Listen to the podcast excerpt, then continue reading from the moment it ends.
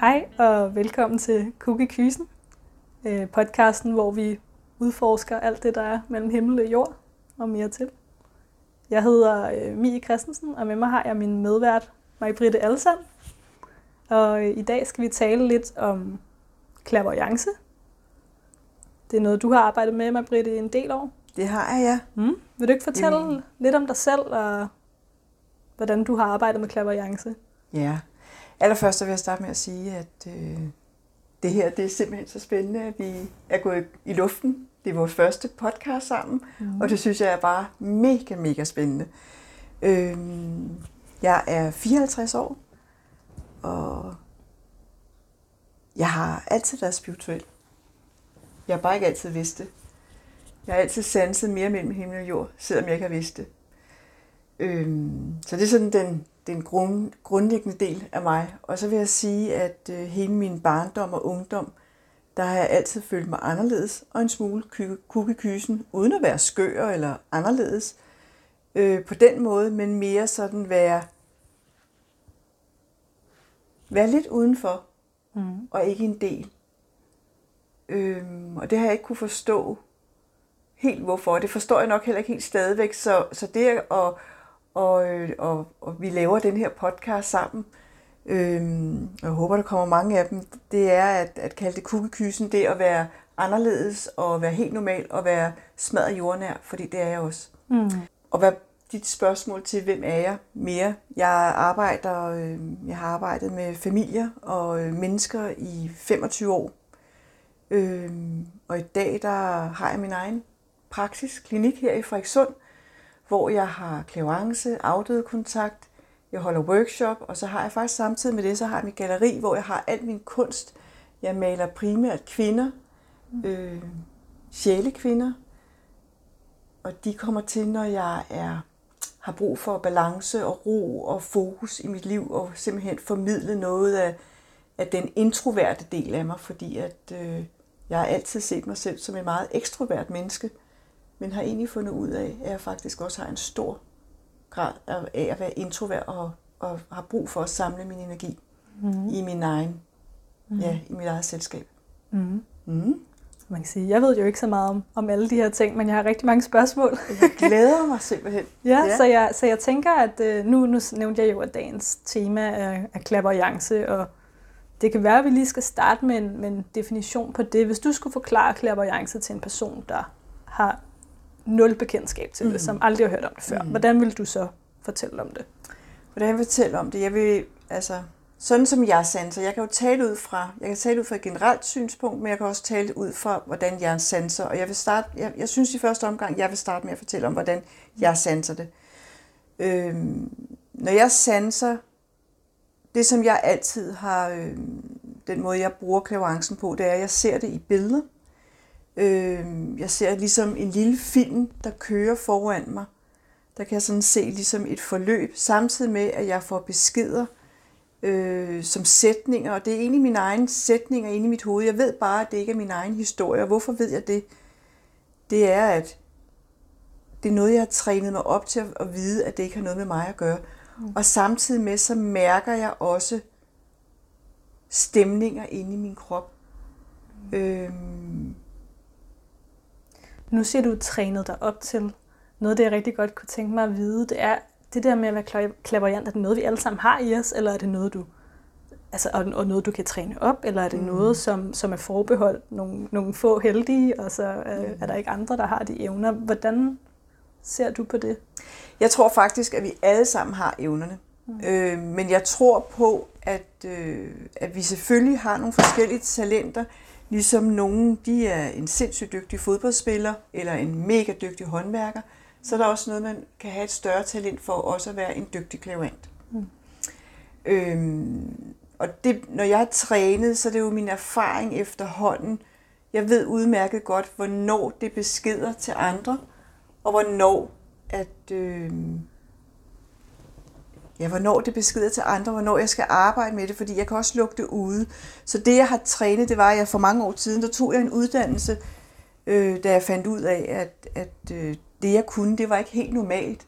Mm. Øh, og så det, jeg begyndte simpelthen at træne i at finde ud af, jamen, hvordan skiller jeg tingene af fra, hvad der er mit og hvad der er andres, har egentlig gjort, at, at jeg er blevet endnu stærkere i at kunne hjælpe mine medmennesker, dem som kommer i min klinik til, øh, og, og hjælpe dem til deres vej.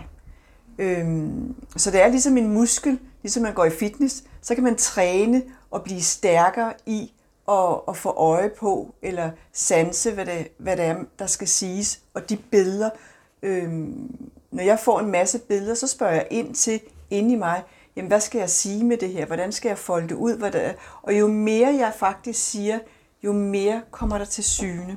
Mm. Øhm, så tror jeg på, at, at vi har, altså alt efter hvem vi er, der, der arbejder med klaverancen, så har vi nogle forskellige øh, kompetencer, vi har nogle forskellige styrker i, øh, hvad er det, vi skal formidle. Mm. Og jeg, øh, altså, når jeg arbejder med min klaverance, så kan jeg jo ikke være med også at bruge min mange års erfaring i at, at være pædagog og arbejde med familier og med traumer og, og, og simpelthen hele familiedynamikken. Kan jeg jo ikke lade være med at også dykke ned i den værktøjskasse og bringe det ind. Øh, ikke at, at jeg begynder at være pædagogisk, men, men jeg har jo også en, nogle ting med mig, hvor at, at jeg kan koble det op på, min, på, på det, jeg ser og mærker indeni. Øhm, og så tror jeg jo på, at, at, øh, at de mennesker, der har brug for min hjælp, de kommer til mig. Mm. Og nogen andre går til nogle andre klavante, fordi det er der, de kan blive hjulpet bedst muligt. Jeg tror på energi, jeg tror på, at vi kommer derhen, hvor vi, vi skal hjælpes. Og så står jeg også nogle gange i den situation, at der kommer et menneske, hvor at, øh, der er budskabet, der, der, er det ikke så, der er det ikke så tydeligt for mig. Øh, og hvad gør man dog i sådan en situation, når jeg sidder her og tænker, jeg ved ikke, hvad jeg skal mm. sige. Øh, men det er jeg meget ærlig omkring, hvis der ikke kommer noget. Mm. Og det er ikke ens betydende med, at der er en, der skal til at dø, eller den person skal være udsat for en udlykke. Overhovedet slet ikke. Det er måske, at øh, jeg kan have en dårlig dag som alle andre, eller personen, der kommer, kan faktisk også øh, måske være så berørt over det, at de lukker så meget i, at jeg faktisk ikke får mulighed for at komme ind og se, hvad der skal... Altså, jeg får ikke de beskeder. Mm. Mm. Og det er ikke, fordi jeg skal læse personen, men det er altid et samspil, når man sidder hos mig. Mm. Så, så der er faktisk nogen, der kan være hvad kan man sige, sværere at læse end andre, eller der kan være situationer, hvor du er nødt til at sige, der kommer simpelthen ikke noget beklager. Det er sket meget, meget få gange, men mm. selvfølgelig, ja, det, mm. det sker. Det sker, og det vil ske igen. Mm. Øhm, men ofte så, så øh, laver jeg den aftale, at folk selvfølgelig de skal for det første ikke betale noget, når de kommer, så hvis det sker. Øh, men, men ofte så øh, er, viser det nogle gange, så jeg skal, jeg skal vinkle den lidt anderledes, at vi måske skal gøre noget andet. Måske er personen smadret nervøs, og måske er det rent faktisk, at, øh, at jeg ikke har en god dag. Altså mm. sådan er det jo også. Mm. Mm. Det tror jeg, vi alle sammen kender. Ja, det er mm. det. Øhm, du talte i starten om det her omkring, at du måske følte dig lidt anderledes, da du var mm. ung og barn. Mm. Og sådan. Har, kan du huske, at der har været en, en første oplevelse med det her, hvor du ligesom har tænkt, hov, hvad var det? Eller mm. hov, det skal jeg lige undersøge lidt? Eller hvad er ligesom den første gang, du mm. stiftede mm. bekendtskab med, jeg har måske nogle evner, som, som alle andre ikke har? Nej, altså jeg har ikke sådan en, hvor jeg kan sige, gud, hvor var det mærkeligt, at nu så jeg noget, eller nej, det har jeg faktisk ikke. Øhm, jeg har, øh, det var egentlig i forbindelse med en, i min skilsmisse, en krisesituation, der er omkring 38, 37, 38, at jeg får, at det at kunne sanse, og alle de beskeder, jeg får, at jeg finder ud af, at det faktisk ikke er, er helt normalt. Mm. Øhm, jeg har altid været optaget af det spirituelle, astrologien og læst, jeg ved ikke hvor mange bøger, jeg har været meget, da jeg var helt ung, læste jeg Shirley MacLaines øh, på dybt vand, og jeg var så fascineret over hendes historie. Men, og jeg ville rigtig gerne være ligesom dem, men jeg vidste ikke, at jeg havde de evner. Jeg vidste ikke, hvordan man kunne bruge dem. Jeg vidste ikke, øh, hvad det ville sige, fordi jeg troede rent faktisk, at, at hvis man havde de her evner, så skulle man kunne se fysisk de afdøde, og, og jeg troede, at, at det var på en bestemt måde. Øhm, og i forbindelse med den her situation, hvor jeg, jeg bliver skilt, og mit liv det tager en, en markant drejning, øhm, så finder jeg ud af, at min optagethed af at hjælpe mennesker, og det har jeg altid været. Jeg har altid været nysgerrig på mennesker. Jeg har altid været... Øh, og alligevel, når vi sidder og snakker om det, så er det ikke helt rigtigt, fordi at, at, at så kommer jeg jo i, i kontakt med, at, øh, at nogle af de ting, der er sket i min barndom, det var blandt andet, at mine forældre er blevet skilt, og jeg kan huske, at det vidste jeg godt. Jeg vidste godt, de skulle skilles, øh, og jeg vidste også nogenlunde, hvordan det skulle foregå, Øh, men det er egentlig først noget, jeg er kommet i kontakt med, da jeg er blevet voksen. Øh, jeg har ikke vidst, at det var en særlig evne. Mm. Det er enormt spændende, du siger det, fordi jeg tænker tit, at børn er en del mere intuitive, end, end voksne er. Mm. At man, det ligesom er noget, man fralærer sig, jo ældre man bliver. Mm. Hvor børn måske kan have den der helt anderledes, umiddelbare fornemmelse af ting. Ja, og, og der er jo ingen tvivl om, at jeg har haft mine fornemmelser, og jeg har kunne se nogle ting, og jeg kan huske, at øh, øh, nogle episoder, hvor at, at jeg har vidst, at det her, det var noget skidt noget, øh, at der ville ske noget, som ikke var særlig, øh, ikke altså ulykkemæssigt, men, men, men det var en dårlig idé. Jeg vidste bare ikke, at det var at kunne kunne se, hvad der ville ske. Altså, mm. for, altså det her med at kunne se ind i fremtiden, og, og så kom det faktisk til at ske. Mm. Øhm, det har været, altså det er faktisk først som voksen, og jeg kan jo godt se i dag, at, at, øh, hvor meget jeg har sanset andre menneskers energi, øh, og derfor på, på mange måder slet ikke været optaget af min egen proces, jeg har ikke været optaget af, hvordan jeg skulle have det godt. Jeg har været mere optaget af, hvordan alle andre mennesker havde det, fordi det var det, der var et eller andet sted, så har jeg linket ind på deres system. Mm. Øhm, og det er først som voksen, at jeg er blevet efter faktisk 40 års alderen, at, øh, og det kan man jo sige, så er jeg blevet gammel, ikke? inden jeg lærer det. Heldigvis er der rigtig mange, der lærer det meget før i dag. Mm. Øhm, hvad der er mit og andres. Mm. Mm. Og så har jeg jo haft nogle kraftfulde, altså nogle, nogle, selvfølgelig nogle oplevelser sidenhen, som har, øhm, som har virket fuldstændig gakket, som jeg har holdt for mig selv, fordi jeg tænkte, hvis jeg fortalte det til nogen, så ville de synes, jeg var fuldstændig knald i låget. Øhm, og det er faktisk egentlig først nu, jeg begynder at fortælle nogle af de her oplevelser. Mm. Mm. Mm-hmm. Fordi jeg synes også, det er lidt pinligt. Altså jeg tænker, det er der sgu ikke nogen, der tror på. Hvad kunne det være for eksempel? Jamen, men det, det kunne være, at øh, da jeg starter min uddannelse, inden, øh, da jeg starter som, tager den her uddannelse som klaverant rådgiver for tilbage for det er mange, mange år siden, det er snart 20 år siden, der øh, en aften, jeg ligger og sover, der vågner jeg øh, og sætter mig op og ser, at det er virkelig mærkeligt, når jeg siger det, jeg kan stadig sådan synes, det er lidt mærkeligt, men der ser jeg en kæmpe sommerfugl flyve igennem mit soveværelse, og den er rød, og den er meget tydeligt aftegnet, og jeg kan faktisk nærmest høre den sådan nærmest... Og jeg kan huske, at jeg tænker, jeg må sove. Og jeg kan se den der store sommerfugl, og det er altså ikke bare sådan en sommerfugl for en 5 kron, altså den er, det er på sådan en tallerken fuld, at den flyver igennem, ud igennem væggen. Og det er jo helt vildt mærkeligt. Mm. Og jeg kan huske, at jeg var ikke bange, jeg undrede mig helt vildt over, hvad den lavede. Altså, hvad var det? Jeg forstod det simpelthen ikke. Øhm, og det er først inden for de sidste par år, og det her det er jo tilbage, er næsten 15-20 år siden det skete.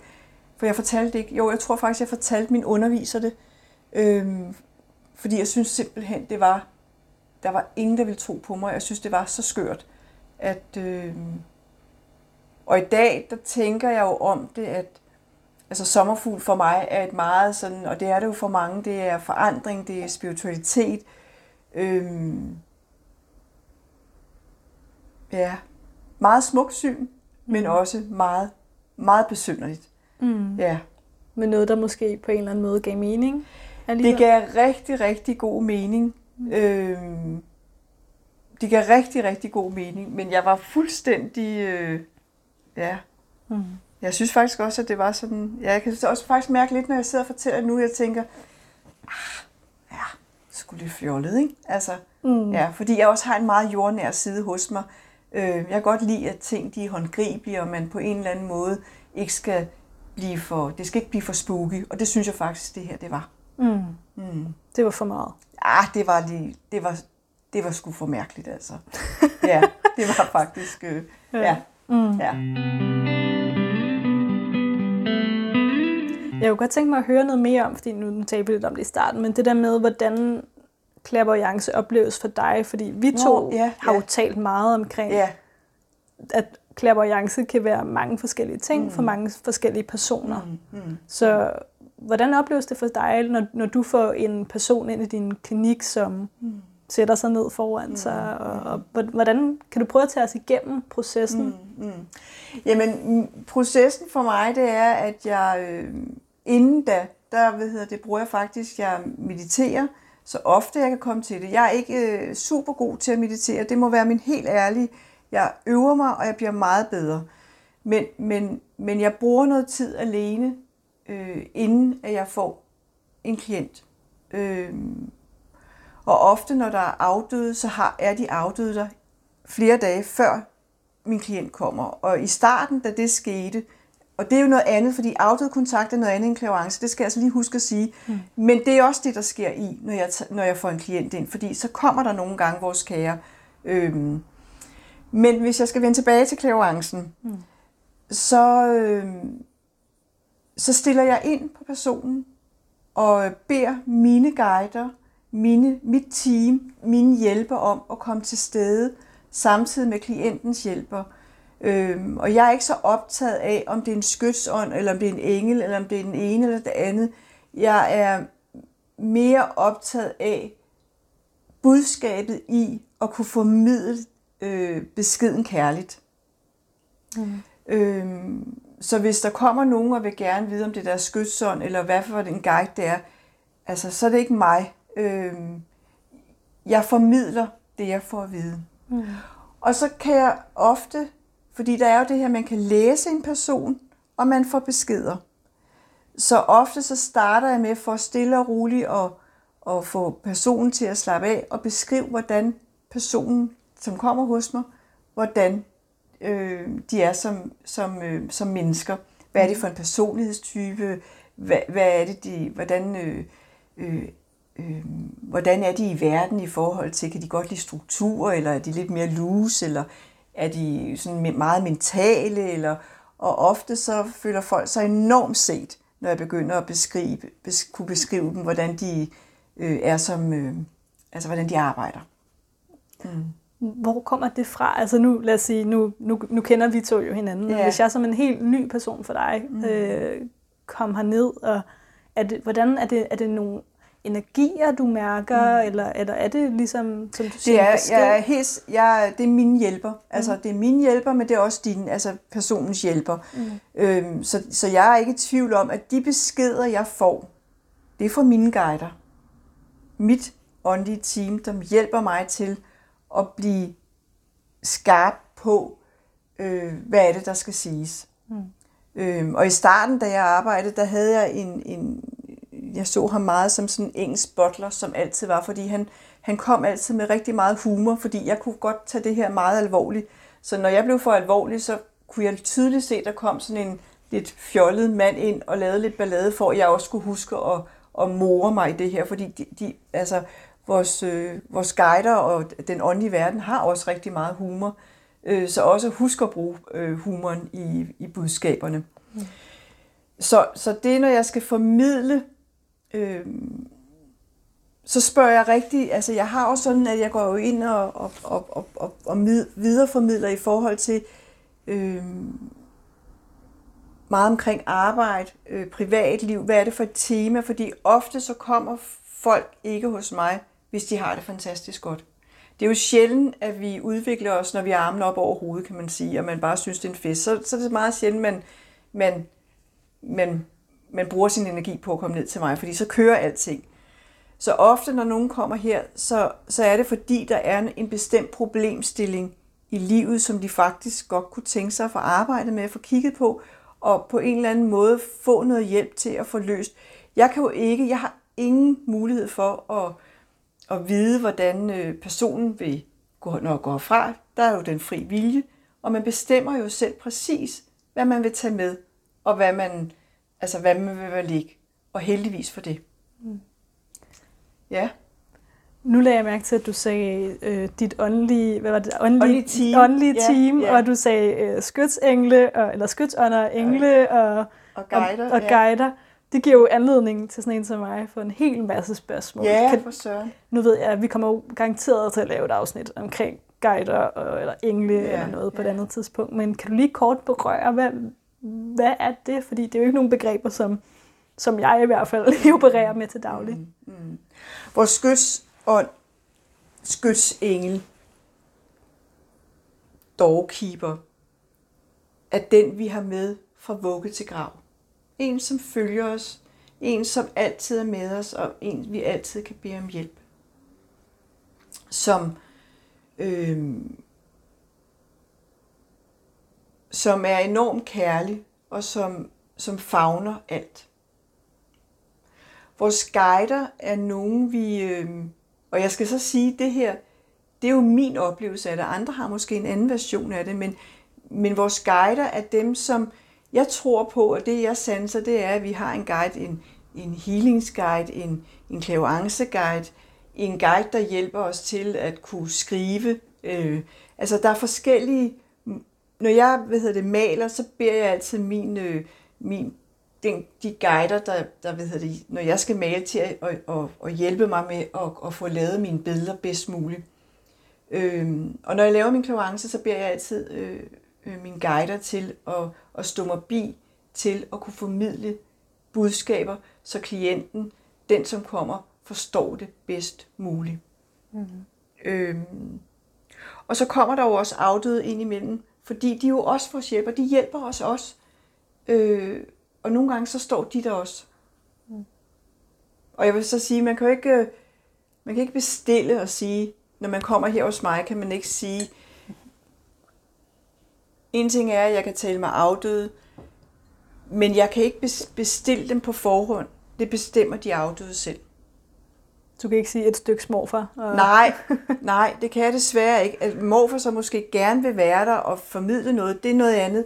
Men nogle gange, så er der nogle andre afdøde, der står, som skal igennem, inden at, øh, øh, hvad hedder det, øh, ja, inden morfar han måske kommer. Mm. Mm. Mm. Det med afdøde vender vi jo tilbage til i yeah. et andet podcast. Yeah. Jeg har rigtig mange spørgsmål, vi vil hellere holde os til emnet. Ja.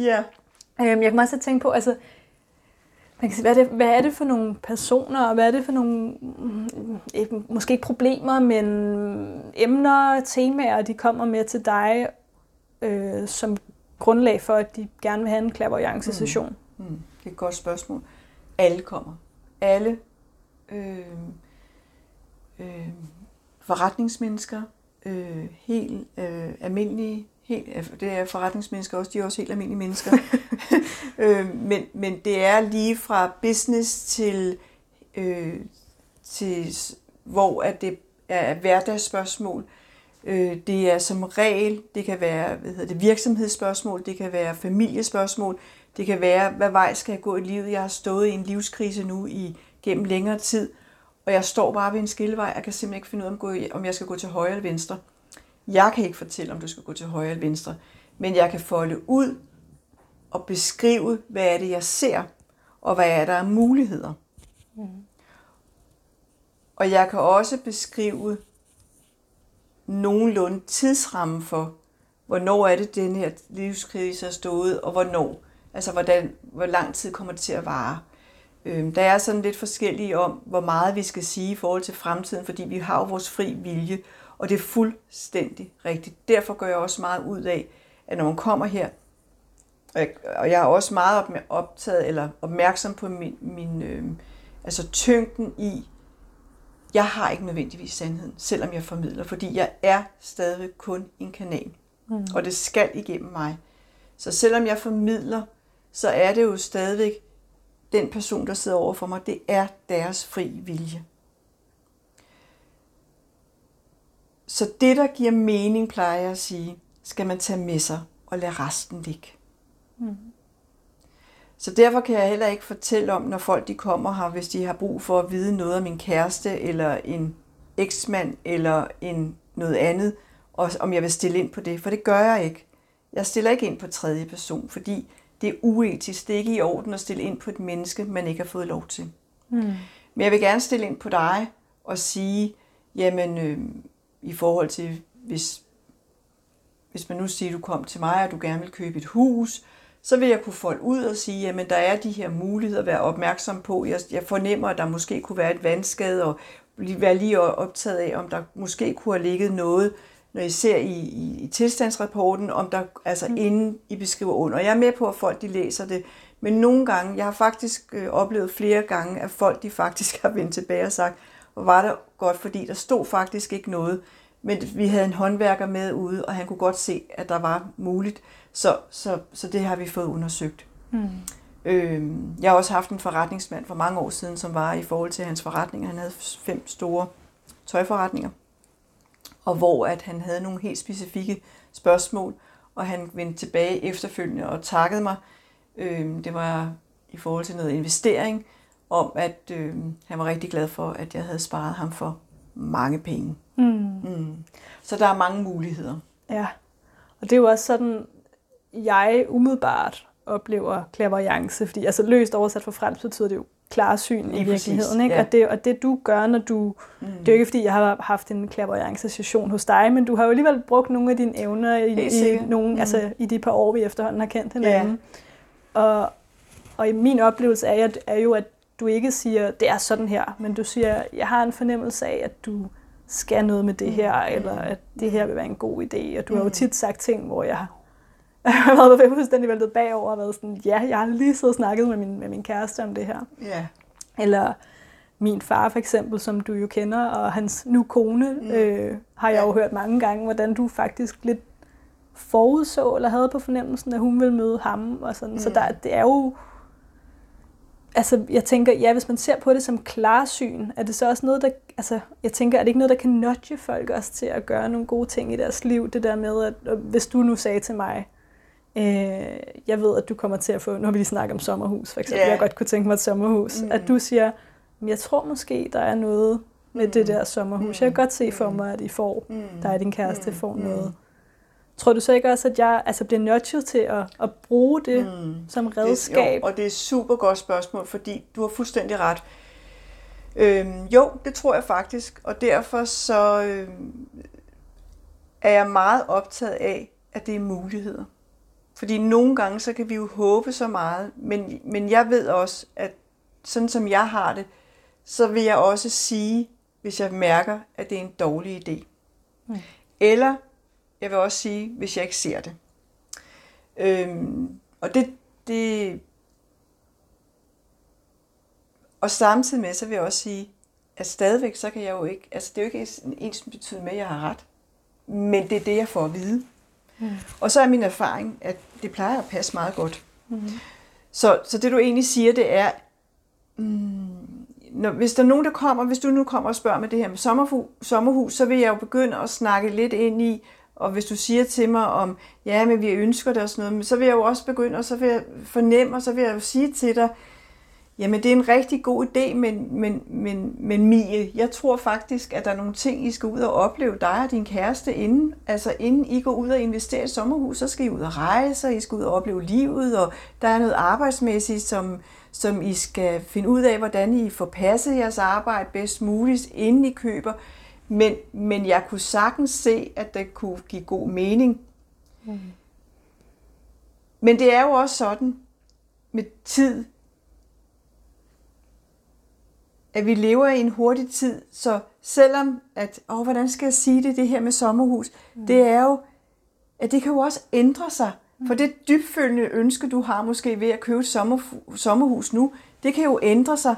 Så jeg tror på, at du skal nok få et sommerhus. Men hvis vi snakker om det ligesom et podcast som nu her, så vil jeg sige til dig, jamen det vil jeg sige, det er først om to-tre år. Mm. Men lad os snakke om, om to-tre år, om det er rigtigt. Mm. Fordi det ved jeg ikke. Mm. Altså, men det er den følelse, jeg får. Ja. Og, og skal jeg så kunne spå om, om fremtiden? Mm. Altså, det er rimelig u... er ikke så farligt, når det er sommerhus, vel? Mm. Nej, Det er det. det er det. Men hvis folk kommer og spørger, om de skal gå fra deres mand, Mm. så, så, så det er ikke mig. Altså, fordi det kan jeg ikke, altså, jeg vælger ikke, om du skal blive skilt eller ej. Det gør jeg simpelthen ikke. Øh, men jeg kan støtte i processen i forhold til at bringe håb om, hvordan du skal være i denne her krise, og hvad er det, der er mere på et personligt plan. Og det er der, jeg bringer hele min terapeutisk erfaring, øh, mit familieopsting, alt. Altså, og der siger jeg altid, nu bruger jeg både min klaverance, men jeg bruger også hele min terapeutiske værktøjskasse. Må jeg det? Mm. Og så går jeg ind og vejleder, samtidig med at jeg bruger min intuition og mine evner. Og jeg, jeg tror også, det er det, jeg kredsede omkring med, med klarsyn, at, at det, du svarer på, er jo ikke ja-nej-spørgsmål. Mm. Skal jeg gå fra min mand? Mm. Skal jeg købe et sommerhus? Det, du gør, det er måske at stille nogle spørgsmål, få nogle input, som gør, at personen der hos dig får et klarsyn, som gør, at de Helt, føler det er så sig fint sagt. Ja. bedre rustet til at tage nogle Så valg i fint. livet, hvor vigtigt det så end er, om det er, at man Ja. skal købe sommerhus, og man skal gå fra sin mand, ikke? i Mm. forskellige grader. Ja, ja, Mm. ja. Fordi det er en stor, altså hvis jeg gør mig til herre over, altså det, det er ikke etisk i orden. Mm. Altså, og jeg tror, så vil jeg hellere, så vil jeg hellere være med til at bruge noget af min, altså mine andre evner til at kunne folde ud og folde ud og folde ud. Fordi jeg tror også på en proces. Altså man kan ikke bare komme til en klaverant og få at vide, om det er en god idé eller ej. Altså mm. ud fra mit verdensperspektiv, der, øh, det, det er for stort et ansvar.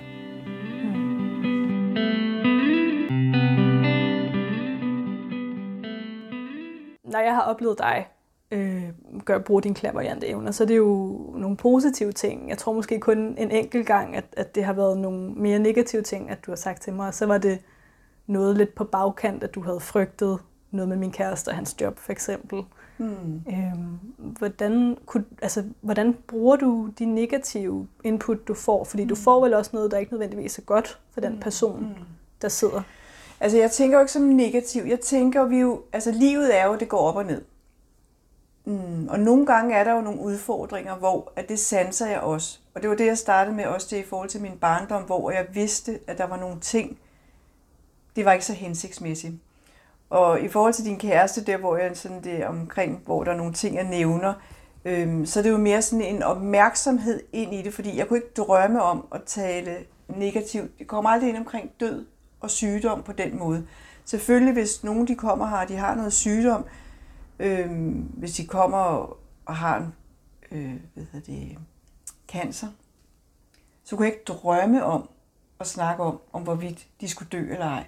Det ligger mig, altså det hører slet, det, det har jeg ikke noget herre, jeg skal altså ikke være herre over. Mm. Øhm, men, og de spørgsmål er, hvordan jeg sådan bruger det, det, det er mere som en vejledning. Mm. Altså, og det er igen det her med valgmulighederne i, så vil jeg sige, jamen, øh, øh, hvordan kunne man sige det i forhold til dig? Altså, hvis jeg nu skulle bruge dig som eksempel, har du et spørgsmål, så kunne man sige, jamen, hvad skal vi bruge her, Mie? Hvad kunne være et godt... Øh... Gør vi skal tage udgangspunkt i sommerhuset igen? Ja, vi, ja sommerhuset er godt, ja, Ja. men altså, hvis vi, vi sagde, at du kom nu, og du havde en enorm ønske til at, at, at, at købe et sommerhus lige nu, og, øhm, og så vil jeg måske sige, jamen, øh, ej, det, det kunne da også være en rigtig god idé, men, men det jeg får at vide, det er, at det ikke er hensigtsmæssigt nu. Jeg ser mere en tidsramme på omkring 2-3 år, fordi hvis I gør det nu, så vil det godt nok begrænse i forhold til øh, den udvikling, den øh, det karriere, der ligger i dit liv lige nu. Der er så meget, der skal til, og, og når man går ind og, og skal til at altså sådan, købe et sommerhus, jamen, så vil du bruge al din tid på at få det her bygget op, og, og lige nu, der er dit fokus, det er meget karriere, i at finde ud af, hvor skal du hen rent arbejdsmæssigt. Mm. Det er måske mere den måde, jeg vil formulere det ind i. Mm. Øhm, Får du nogle gange input, der for eksempel handler om, lad os sige, sygdom, eller altså måske endda død, og hvordan håndterer du det? Øhm, jeg får aldrig noget omkring død. Det gør jeg faktisk ikke. Øh, jeg får tit vist, når folk er her, i forhold til øh, øh, skavanker, folk har i kroppen. Og så kan jeg sådan rimelig tydeligt sige, hvor de har skavankerne, øh, hvor de har ondt, hvad det er for nogle problemstillinger. Øh, og det er der jo rigtig mange, der bliver smadret overrasket over, at jeg meget sådan specifikt kan sige, jamen øh, jeg kan se, at du, der er noget omkring din lænd, og har du været faldet af hesten, da du var 10 år, eller altså det kan jeg egentlig tydeligt øh, se. Øh, men og jeg kan også godt se, hvis det er et træt immunforsvar, kan jeg også godt se, at der måske... Men jeg henviser altid, hvis, hvis jeg kan se, at der er noget, det er at gå ned og få taget nogle blodprøver, gå i dialog med din læge, få snakket med din fysioterapeut. Altså fordi der er bare nogle ting, som ikke ligger... Det hører ikke til hos mig. Øhm, og der, der skal vi bruge... Altså, der, der, der skal man være altså, god nok til at kunne henvise til, til, til dem, de, de læger, der har den kompetence.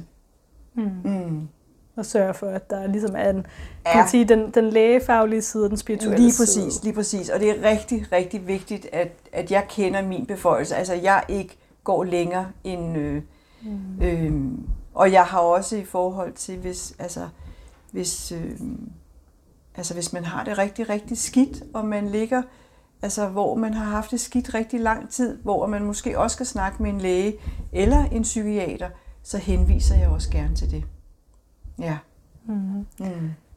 Øh, nu taler vi om det her med grænser mellem altså, øh, læge, den lægefaglige del og så dit virke, men, men kan du også se, at de kan spille sammen og have et positivt udfald på den mm. måde? Mm.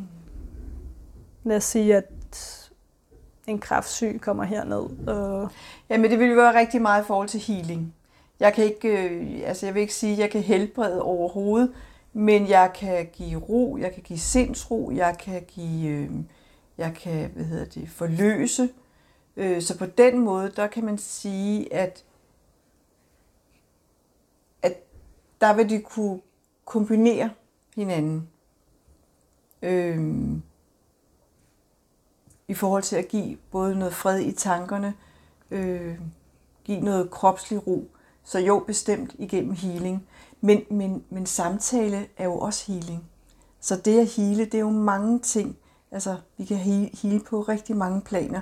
Så mm. det at få lov til måske også at, at fortælle om øh, svære ting, øh, soveprocesser, ting, der har været voldsomme, det at stå alene, det at få lov til, øh, og det er jo ikke så meget klaverancen, så går vi mere over i den, den mere terapeutiske, coachende del, men min oplevelse er, at, at, at rigtig mange mennesker har rigtig meget brug for begge dele. Så, så det her med at, at, at, at, at starte med en klavance og finde ud af, øh, gud, det her det er brugbart, og så er der måske nogen, de kommer tilbage igen et halvt år efter, for måske at arbejde med sig selv, eller nogen kommer før. Ikke?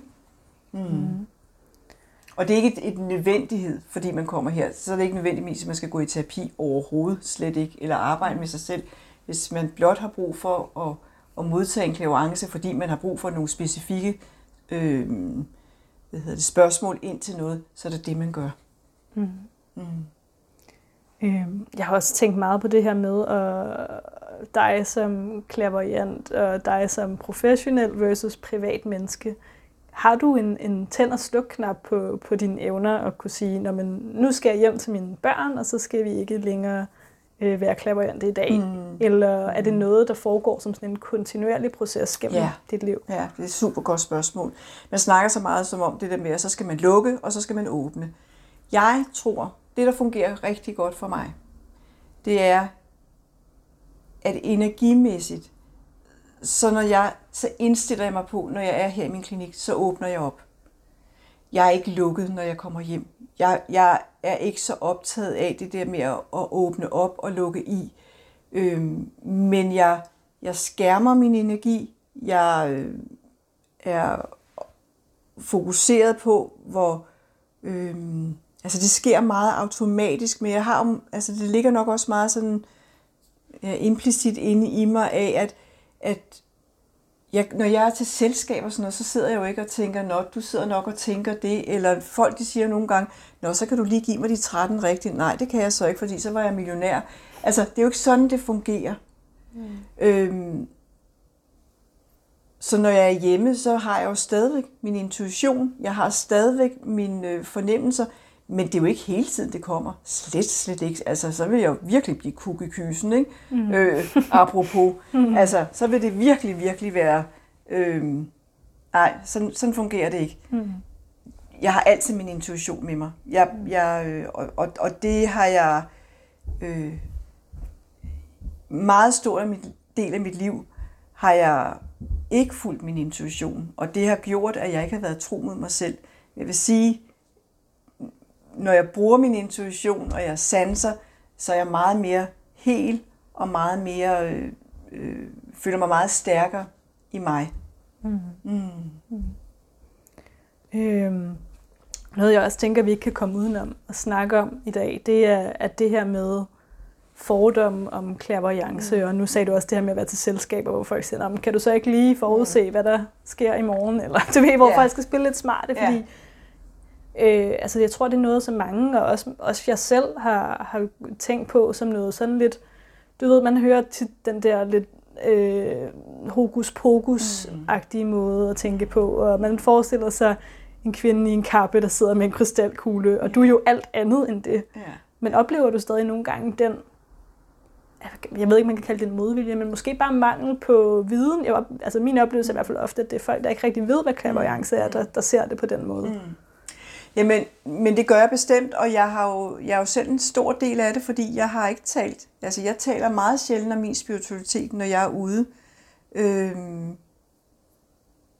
øh, for, og hvorfor gør jeg egentlig det? det er nok også, fordi det er misforstået. Jeg vil rigtig gerne også øh, ses øh, som grounded og den faglige del af, når jeg arbejder med, med, med mit andet erhverv.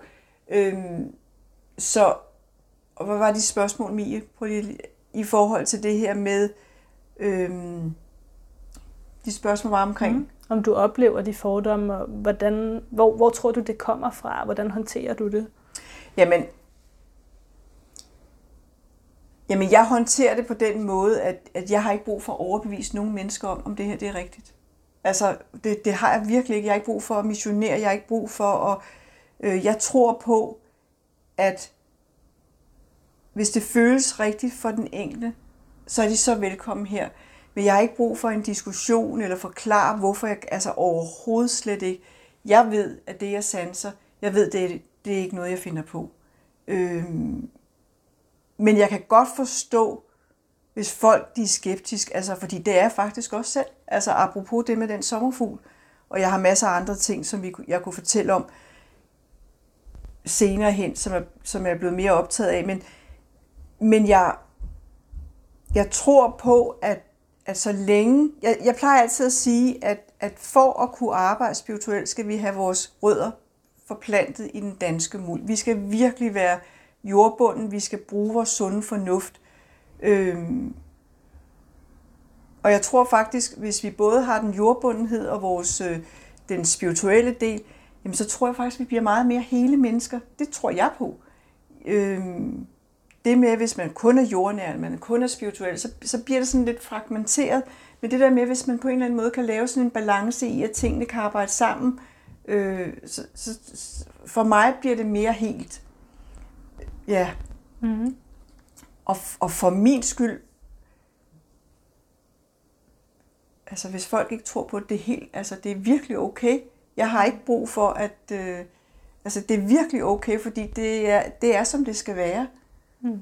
Det er hverken mere rigtigt, end det jeg tror på, eller hvad, altså, ja. Og, og de mennesker, der, der ikke tror på det, det er måske heller ikke de mennesker, der har, har brug for det. Nej, eller... nej. Det og måske... måske får de brug for, måske gør de ikke. Altså, mm. Altså, det, det er ikke vigtigt. Altså, så er der noget andet, de kan gøre. Øhm, mm. Og så vil jeg samtidig med sige, at jeg har også haft mennesker, som har kommet her, fordi de gerne vil give det en chance. Mm. Øhm, og det må jeg da set igen.